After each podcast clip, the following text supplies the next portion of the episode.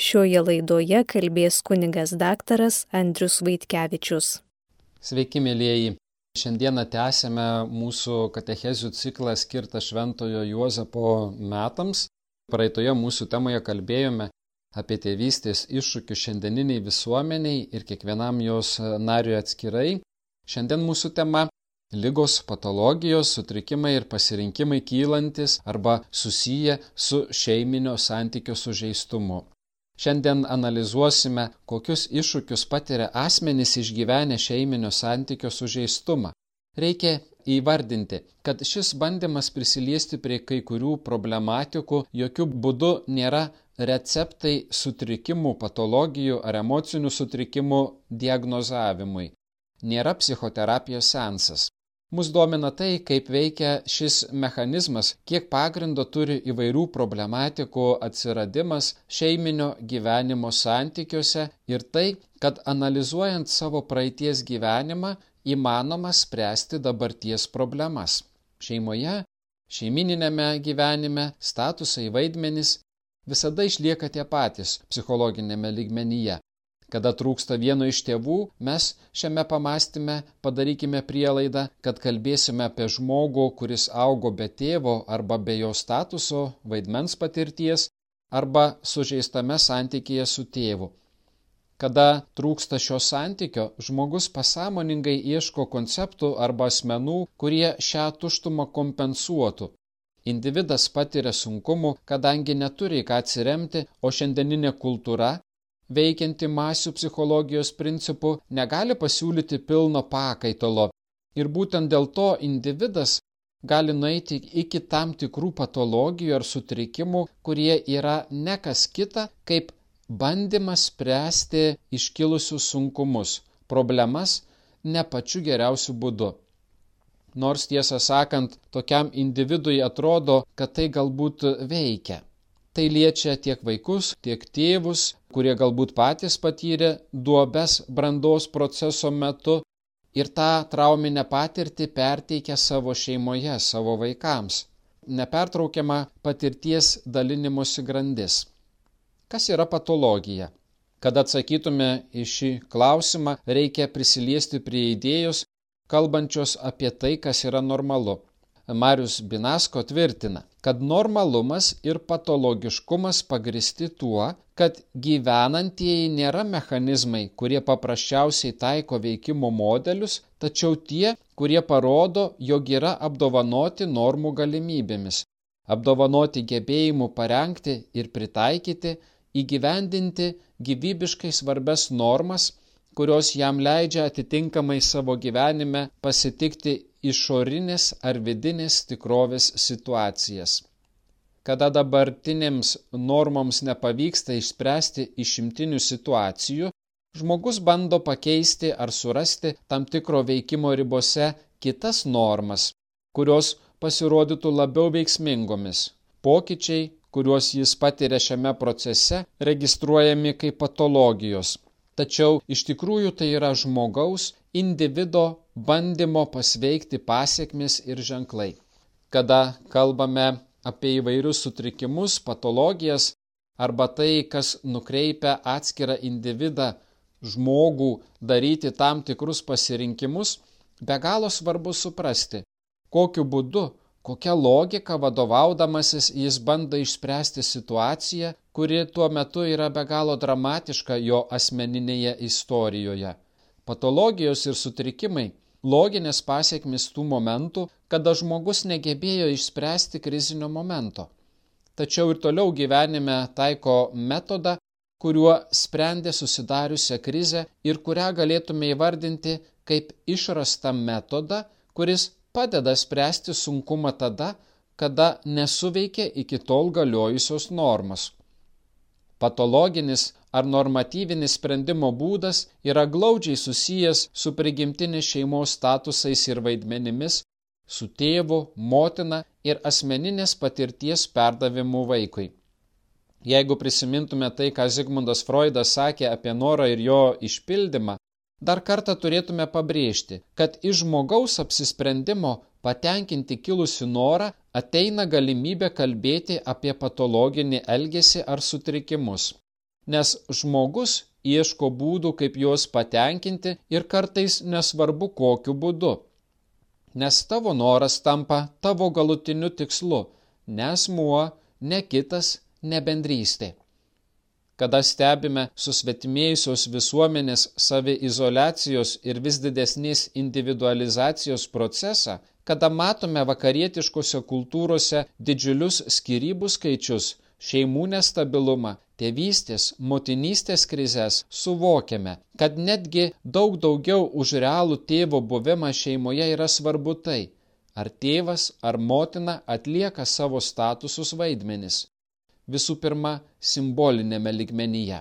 Kada trūksta šių simbolinių statusų struktūrų, kurie padeda vaikui ir suaugusiem integruoti troškimą, norą, pasidaro taip, kad žmogus nebegali suvokti ir paties savęs, savo kūno, psichoemocinių procesų, savo norų ir daugelio kitų gyvenimo procesų ir tokiu būdu patenka į susidariusių problemų patologinio sprendimo būdų sūkurį. Anoreksija dažniausiai ištinka moteriškosios lyties vaikus ir suaugusiuosius. Šis fenomenas glaudžiai susijęs su tuštuma susiformavusią dėl tėvo figūros nebuvimo. Citata. Tuštuma, kuri susikonfigūruoja dėl nerima keliančio nebuvimo neturint atskaitos taško, atramos, statuso reikalingo stabilumui ir harmoningai psichikos raidai.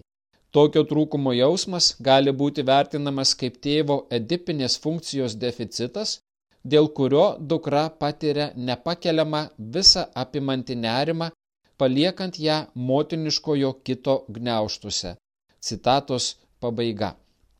Moteris bando identifikuotis su kitu vyrišku objektu, pavyzdžiui, seneliu, ir jeigu neišeina, renkasi dramatišką anoreksijos kelią Dažnai tai susiję su lytinio identiteto, tapatybės krize, kada žmogus psichologiškai nesuvokdamas savo buvimo vyru ar moterimi tampa tokiu liesu, kad faktiškai tampa ir kūnu tarsi aseksualus. Anoreksijoje atmetamas objektas tai yra kitas arba tai, kas ateina iš to kito, jeigu subjektas nori ir toliau trokšti bei norėti.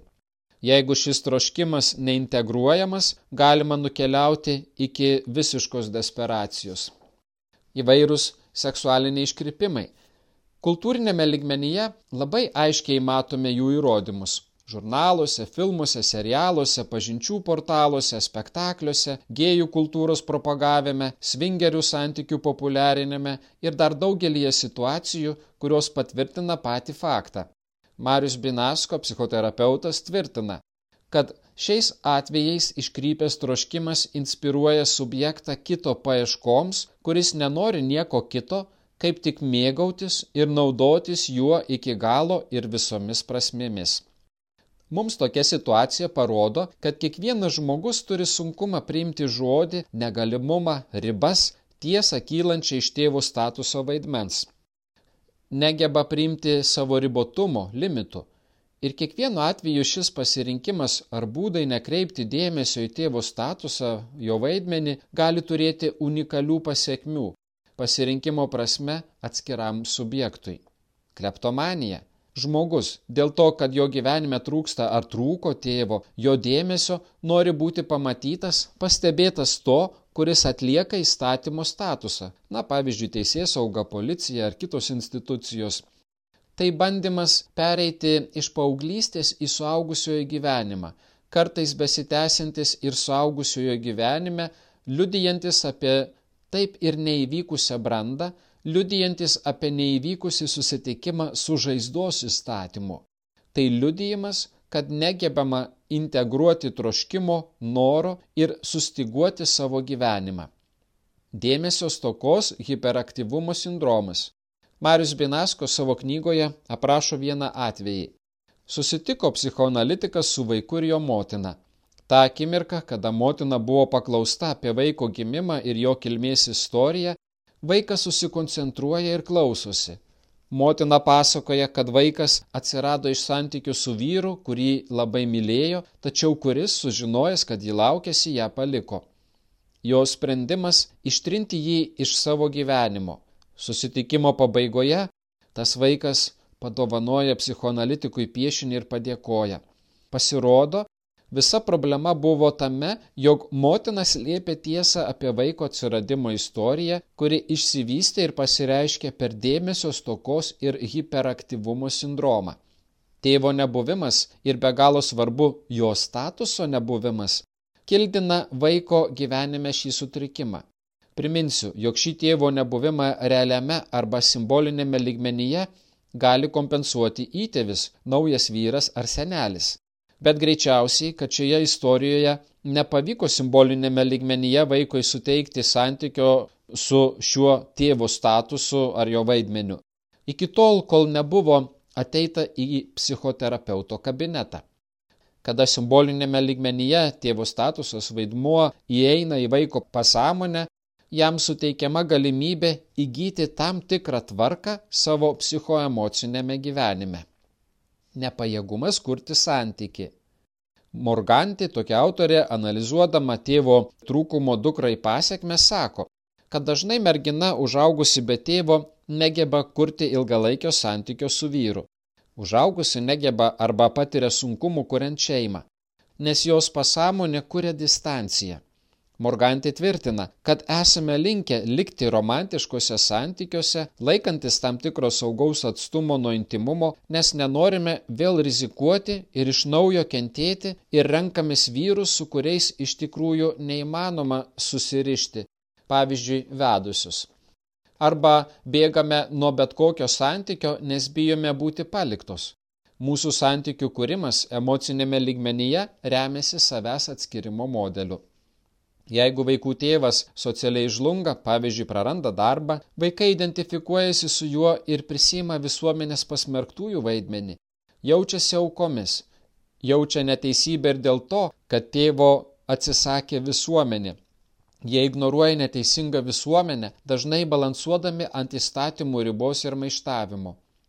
Iškyla rizika praleisti gyvenimą tarp visuomenės marginalizuotojų, nesuvokti gyvenimo prasmės, nepasiekti karjeros aukštumų ir kiti iššūkiai. Dėl to, kad sužeistas santykis su tėvu pasąmoninėme lygmenyje reguliuoja tavo pasirinkimus. Priklausomybės nuo interneto sutrikimas.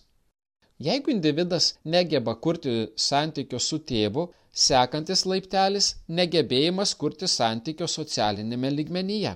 Santykius pakeičia internetas ir jame esančios bendravimo galimybės - pokalbių kambariai, bendravimo programėlės.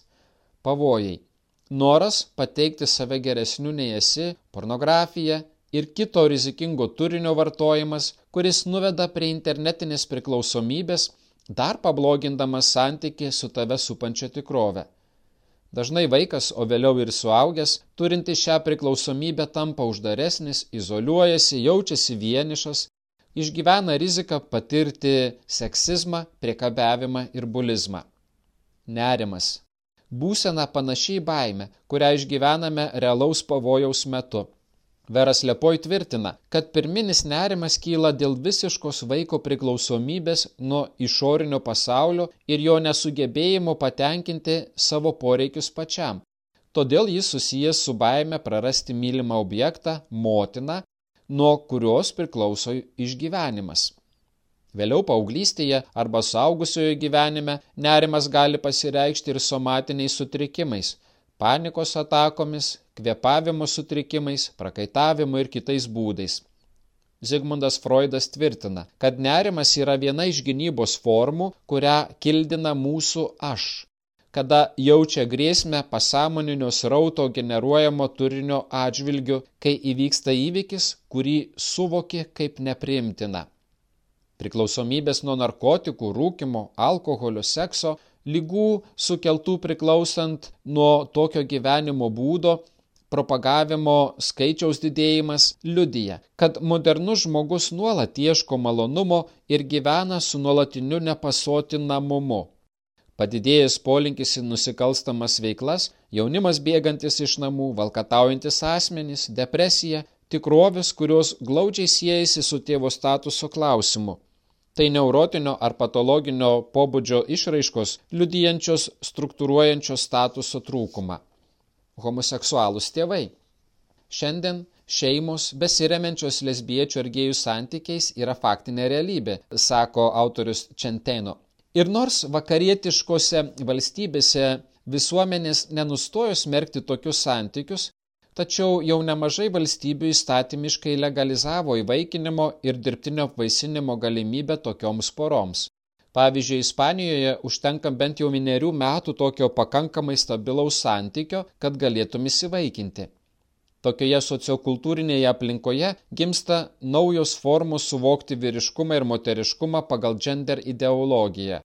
Naturalu, kad psichologinėme ligmenyje Vaikas patirs identiteto krizės, kadangi gyvena su dviejomis mamomis ar dviejais tėčiais. Trūksta esminių žmogaus gyvenimui būtinų elementų - tėvo ir motinos, su kuriais turėtų galimybę identifikuotis. Visuomenė, kuri gyvena be tėvo, yra stipriai patogeniška.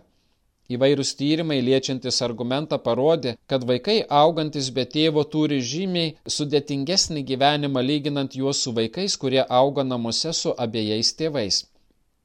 Daugybė tų, kurie gyvena valkataudami, kaip visuomenės paribėse atsidūrė asmenys, vaikų globos įstaigose, kurie atsidūrė kalėjimuose arba nutraukė savo gyvybę, nusižudydami, augo šeimose, kuriuose nebuvo tėvo.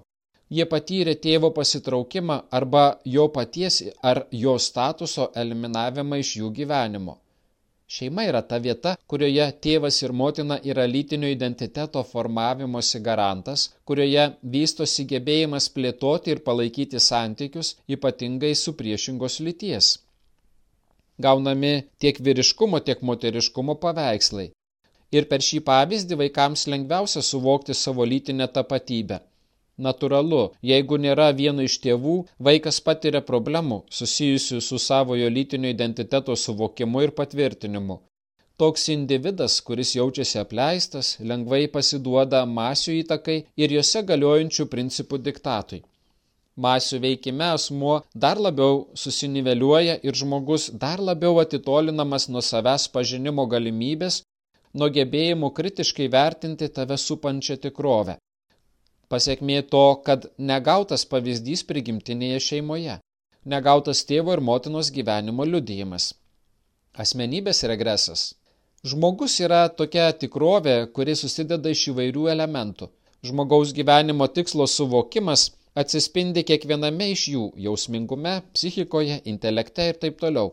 Šeimos santykio krizė ir tėvo nebuvimo šeimoje klausimas, tėvo, kuris struktūruoja subjekto psichodinaminius procesus, įtakoja asmens degradacinius regresinius pokyčius, tai pasireiškia visų pirma per perėjimą nuo plataus ir su dvasinė dimensija susijusio poreikio prie siauro egoistinio poreikių tenkinimo.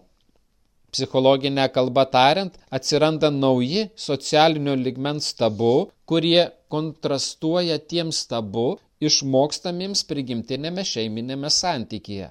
Šis egoistinių poreikių įnorminimas veikia ne tik atskiro individo gyvenimą, tačiau ir plačiųjų masių pasirinkimus. Iškyla klausimas, kada ir kaip šios naujos normos tampa mūsų psichinės struktūros dalimi ir kokias pasiekmes neša. Nes nuo šių vidinės logikos struktūrų priklauso kiekvieno subjekto santykis su išoriniu pasauliu ir savimi. Asmuo tam, kad taptų brandžiu, turi gebėti priimti savo patirtį turi įsisamoninti tarp asmeninių santykių dinamiką ir jų paskirti, jų prigimtinės užduotis. Brandus žmogus veikia pagal savo asmeninius įsitikinimus, kuriuos yra gerai patikrinęs.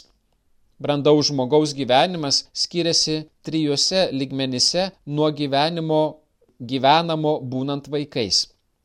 Jaučia džiaugsmą dėl savo veikimo ne dėl to, kad daro tai, kas jam patinka, tačiau dėl to, kad daro tai, ką laiko teisinga savo veikime. Gyvena kūrybingai, tai yra geba eiti prieš srovę ir tai jam teikia džiaugsmo netgi žinant, kad atmetė tam tikrus savo poreikius ir nepasitenkino sprendimais, kuriuos daugelis priimtų kaip laimės garantą, patenkinant savo norus. Geba gyventi vienatvėje, mokėdamas kontroliuoti savo jausmus, būti empatišku ir gerbti kitų jausmus, o taip pat jausti atsakomybę už jausmus tų asmenų, kuriems juos sukelti jis pats gali. Regresija suvokiama kaip gynybos mechanizmas pasąmoningai sugrįžtant į ankstesnius raidos etapus susijusius su žmogiškojo libido vystimosi stadijomis. Paprasčiau sakant, grįžtama į vaikystės raidos etapus, kuriuose psichologinės brandos etapai nebuvo praeiti be pasiekmių arba įsisamoninti. Žmogus grįžta į vaikystę, į tuos raidos etapus, kuriuose nebuvo patenkinti jo asmeniai poreikiai, būdingi tam tikroms raidos stadijoms, etapams ir pasąmoninio diktato būdu jau saugusiojo gyvenimo gyvenime ieško tų patenkinimo būdų išpildymo savo kasdienybėje o negebėjimas kurti santykio dažnai mūsų visuomenėje kompensuojamas per taip vadinamos oralinės fazės poreikių tenkinimą – maistą, alkoholį, narkotikus, seksą. Iš čia kyla ir vidinė drama, kuri skatina žmogų elgtis agresyviai, smurtauti, taikyti prievartą. Gali atsirasti polinkį žudytis, depresija, įvairios psichozės, hiperaktyvumas, negebėjimas kurti santykio, įvairūs psichosomatiniai sutrikimai, fobijos.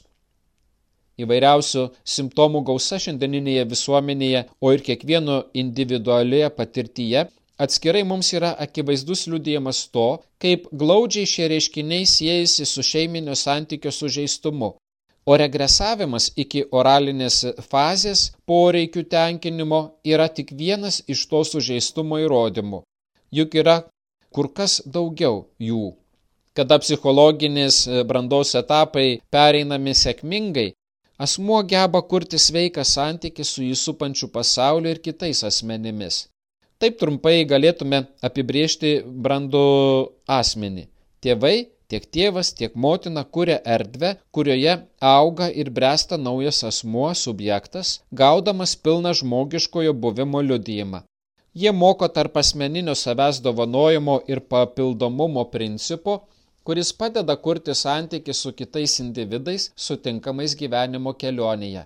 Jeigu tėvų prezencijos buvimo kartu kasdienėme šeiminėme gyvenime trūksta, žmogiškoji raida ir pilnatvinis psichologinis vystimasis patiria kliūčių ir sunkumų ir yra tiesiogiai susijęs su tėvo ir motinos, vyro ir moters dalyvavimu šiame procese. Prievarta ir smurtavimas Šis reiškinys gali glaudžiai sėti su savojo identiteto paieškomis, pavyzdžiui, Pauglys po skirybų, augantis tik su motina ir ieškodamas atsakymų į klausimą, ką reiškia būti vyru, gali elgtis priešingai nei jo motina. Jeigu mama yra švelni, tvarkinga, mandagi ir taip toliau, tai jaunuoliai pasąmonė gali padiktuoti, jog būti vyru reiškia elgtis priešingai nei elgesi tavo motina moteris. Vadinasi, būti vyru tai smurtauti, būti netvarkingu, nemandagiu ir taip toliau. Matome, kokia logiška ir savo vidinių dėsnių struktūrą turinti mūsų žmogiškoji būtis. Veikianti, jeigu netgi mes jos veikimo iki galo ir nesuprantame, pasąmoniniu būdu. Jeigu suaugęs žmogus smurtauja, didelė tikimybė, kad yra pats smurto artimoje aplinkoje auka. Psichologijos mokslas sako, kad smurtas ir fizinės prievartos naudojimas yra kalbėjimo būdas. Brandus žmogus stengiasi žodžiais pagarbiai išreikšti tai, ko jis norėtų savo gyvenime ir santykėje su kitu žmogumi. Nebrandus žmogus, kadangi negeba integruoti, valdyti savo impulsų, fizinės ar psichologinės prievartos būdu smurtaudamas bando parodyti savo viršenybę ir įtvirtinti tą tiesą, kuri tuo metu jam atrodo kaip geriausias jo gyvenimo momento ar krizės sprendimas. Smurtas tampa savotišku kalbėjimo būdu. Emociniai sutrikimai. Kai kurie mūsų jausmai yra sąmoningi, kai kurie jų ne. Dažniausiai jausmas kyla žmoguje visiškai spontaniškai ir žmogus asmuo gali kontroliuoti arba ne tai, ką jis daro to kilusio jausmo pasiekoje. To jausmo ar kasdienių jausmų pasiekoje vystosi charakteris, gebėjimas rinktis. Mūsų jausmai yra mumise vykstančių vidinių procesų, pasąmoninių procesų išdava. Tačiau galime drąsiai tvirtinti, jog subjektas netgi tada, kada jau yra tapęs autonomišku, visada lieka priklausomas nuo figūrų, statusų, vaidmenų, padariusio jam didžiausią įtaką raidos proceso metu. Jis priėmė tam tikrus dėsnius, kurie valdo šiandieninį jo kaip suaugusiojo subrendusiojo gyvenimą. Psichoanalitikė Dogana tvirtina, įvardina net 11 skirtingų asmenybinių tipų, kurie susiję su emocinio santykio šeimoje sužeistumu. Tai paranojinė, šizofreninė, šizotipinė, pamaiviška, isterinė, narcisistinė, antisociali, ribinė, vengianti, priklausanti, obsesinė, kompulsinė asmenybės.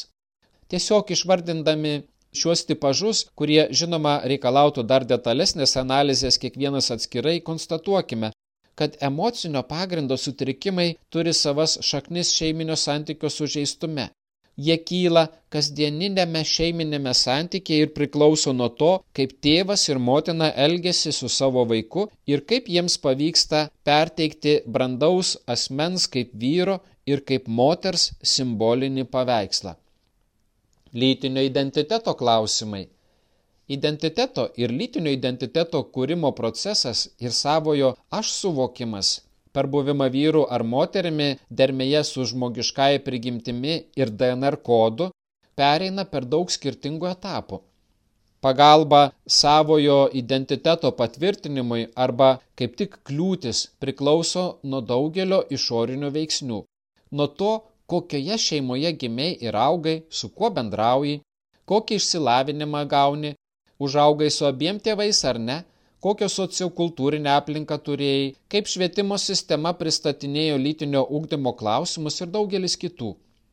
Socialinė psichologija tvirtina, kad ypatingai šiandien jaunas žmogus gyvenantis bestuburėje visuomenėje yra praradęs orientyrus.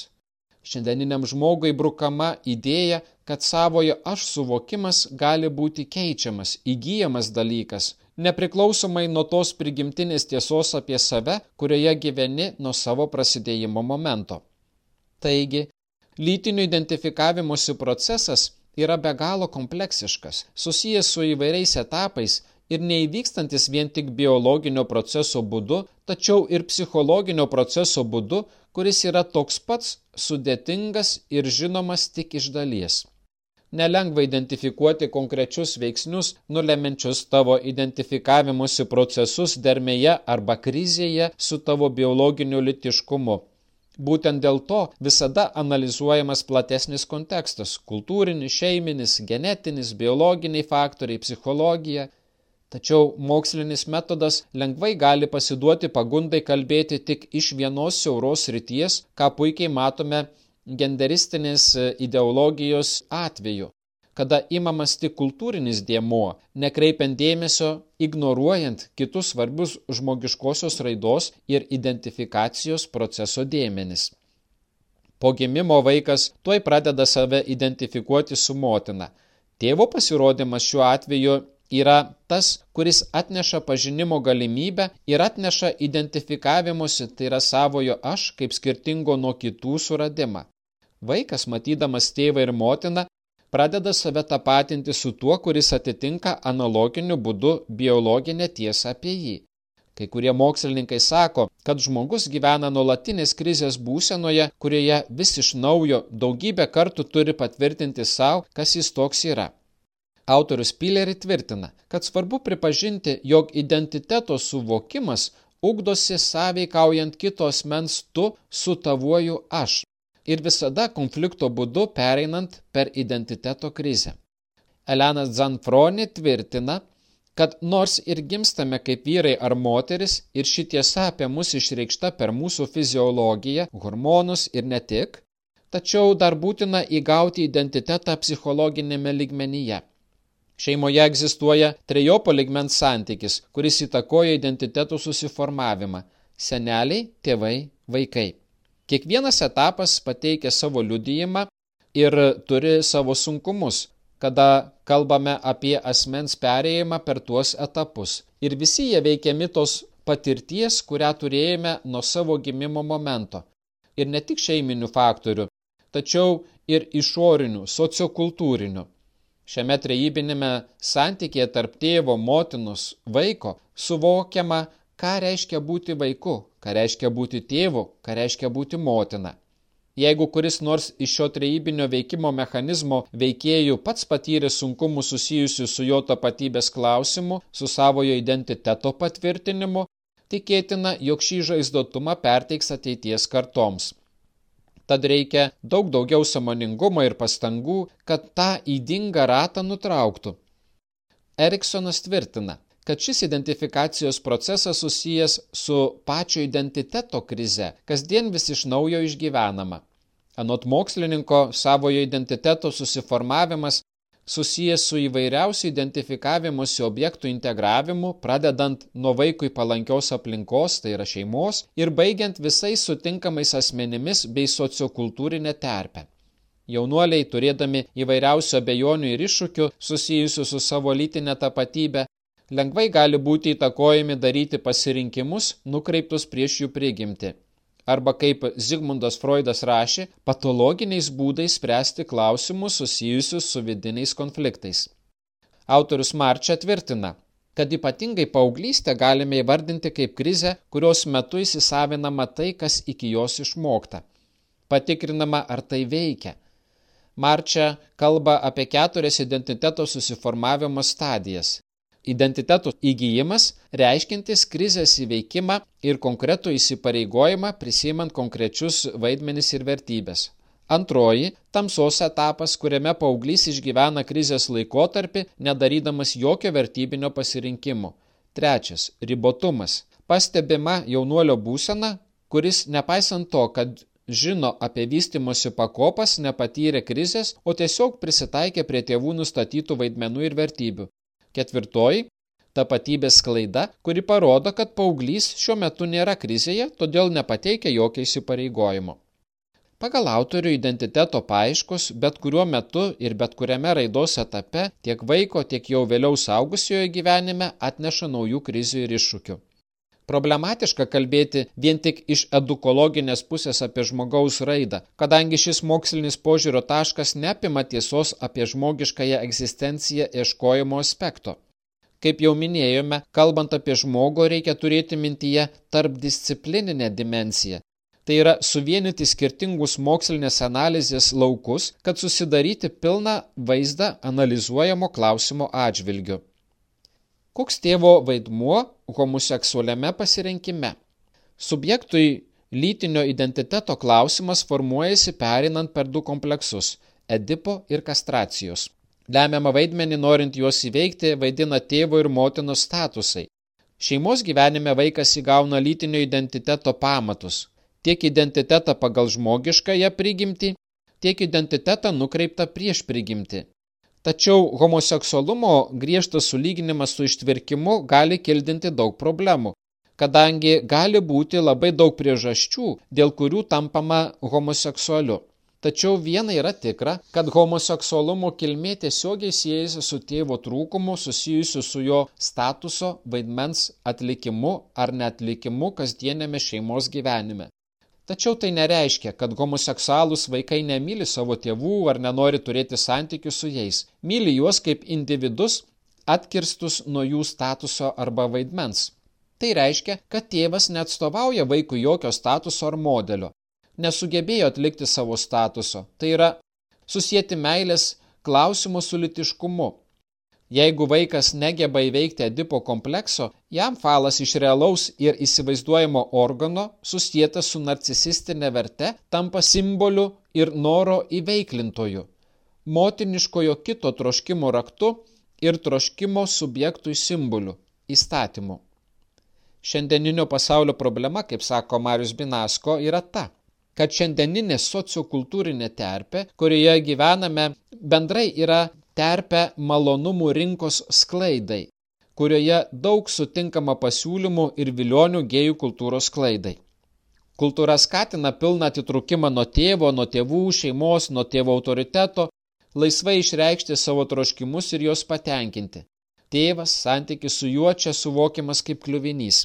Tėvas yra tas, kuris matomas kaip trokštantis, norintis ir kaip toks jis iš tikrųjų interpretuoja dalį motinos troškimo, parodo vaikui, kad eina priešais jį, turi viršenybę priešais motinišką į kitą. Motina iš savo pusės turi patvirtinti šio santykio autentiškumą, kas tampa neįmanoma, jeigu tėvo realiai nėra.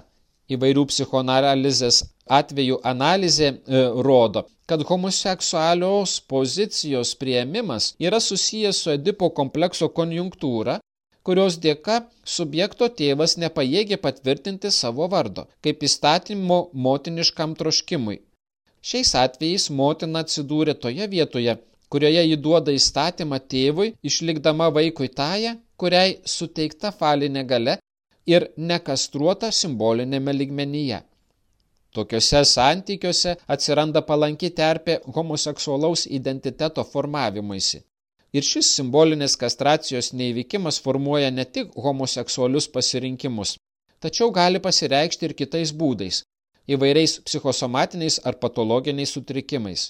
Todėl neįveikiant Edipo komplekso ir nepatiriant šios žaizdos prigimtinėse šeimos santykiuose, kuriuos ypatingai tėvas atneša į vaiko gyvenimą, keičiasi pasąmonės ir brandimo procesai homoseksualumas gali būti įtakotas ir per didelio tėvo motoniškumo, jeigu pastebima, kad tėvas tiesiogiai konkuruoja su motina, mažai investuodamas į buvimą motinos troškimo tėvų, kuris sunkiai skiria savo troškimo santyki su moterimi nuo savo meilės vaikams.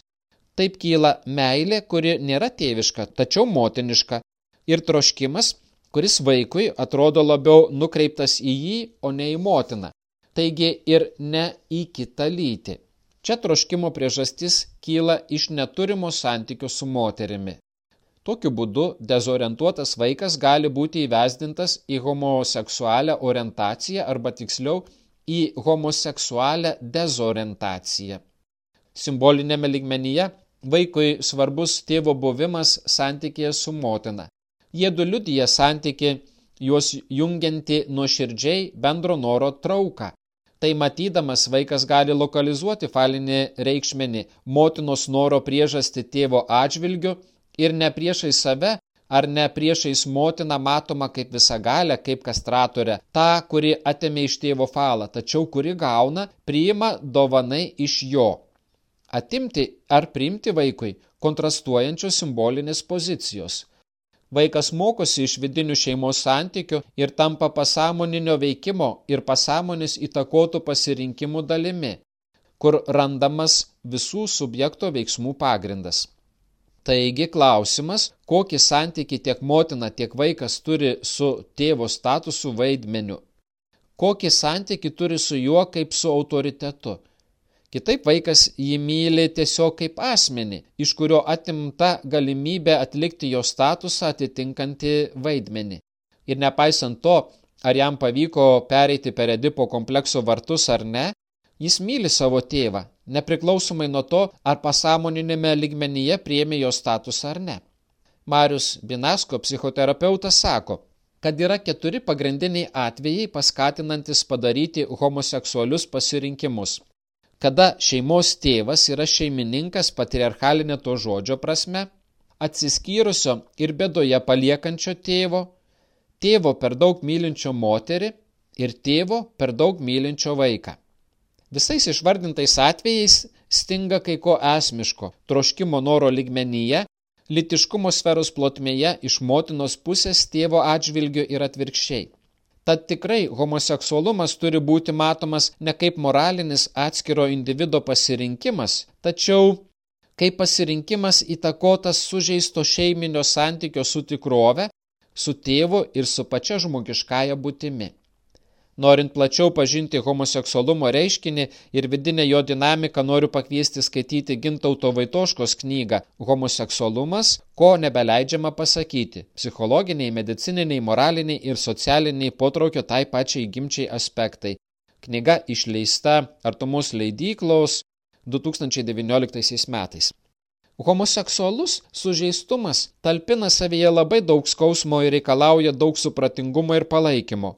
Tad kiekvieno krikščionio pareiga palaikyti tokį pasirinkimą padariusi dėl vienokio ar kitokio šeimoje ir gyvenime susikloščiusio aplinkybių žmogų ir padėti jam atrasti gyvenimą tiesoje apie save patį, apie žmogaus prigimtį. Šis kvietimas įgyvendintinas kiekvieną kartą, kada susitinkame žmogų, kuris turi vienokį ar kitokį sužeistumą šios temos išvardintose ribose ir atvejuose, kurie netilpo į šių apmąstymų rėmus. Kiekvieną dieną susidurime su daugiau ar mažiau rimtomis problemomis ir sunkumais, kurie gali įstumti į krizę ir pakengti pasiektai pusiausvirai patiriame sužeistumą savojo narcisizmo atžvilgiu, negebame priimti sprendimo, kenčiame nuo didelių neteisybių, mums rūpimas projektas neįgyventinamas, nuvilia žmogus, prie kurio buvome labai prisirišę ir taip toliau. Būtent dėl šios priežasties dar vaikystėje vaikui svarbu turėti saugų ir stabilų santyki tiek su tėvu, tiek su motina. Šis trejybinis, esminis prigimtinis santykis leidžia susiformuoti vidiniams pasąmoniniams veikimo modeliams, įgalinančiams tave daryti tau kaip asmeniui ir brandžiam žmogui geriausius pasirinkimus, apsaugančius nuo įvairiausių traumatinių patirčių ir gilesnių krizių susijusių su savojo identiteto klausimu.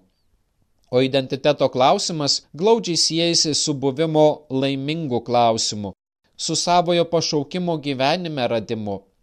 Kuo daugiau saugusiųjų suvoks, kad šis trejybinis santykis tarp tėvo, motinos, vaiko yra raktas į visų problemų sprendimą, tuo mažiau asmenų patirs sužeistumą ir nepilnavertiško gyvenimo sindromą. Bus apsaugoti nuo traumuojančių patirčių. Mėlyjeji, šiandien mūsų apmąstymus baigiame. Kita mūsų susitikimą skirtą Šventojo Juozapo metams analizuosime tokią temą - skirybų pasiekmes ir vyro nebuvimo šeimoje įtaką asmeniniai brandai pasiekti. Kaip visada, katechezių perklausą galite rasti Marijos radio mediatekoje, taip pat YouTube kanale Telšių viskupija ir taip pat Švento Juozapo metams skirtame internetinėme puslapyje svetainėje, kur galite rasti taip pat ir katechezės tekstinį variantą su klausimais, apmąstymams ir refleksijai. Garbė Jėzui Kristui ir iki kitų susitikimų. Kalbėjo kunigas daktaras Andrius Vaitkevičius.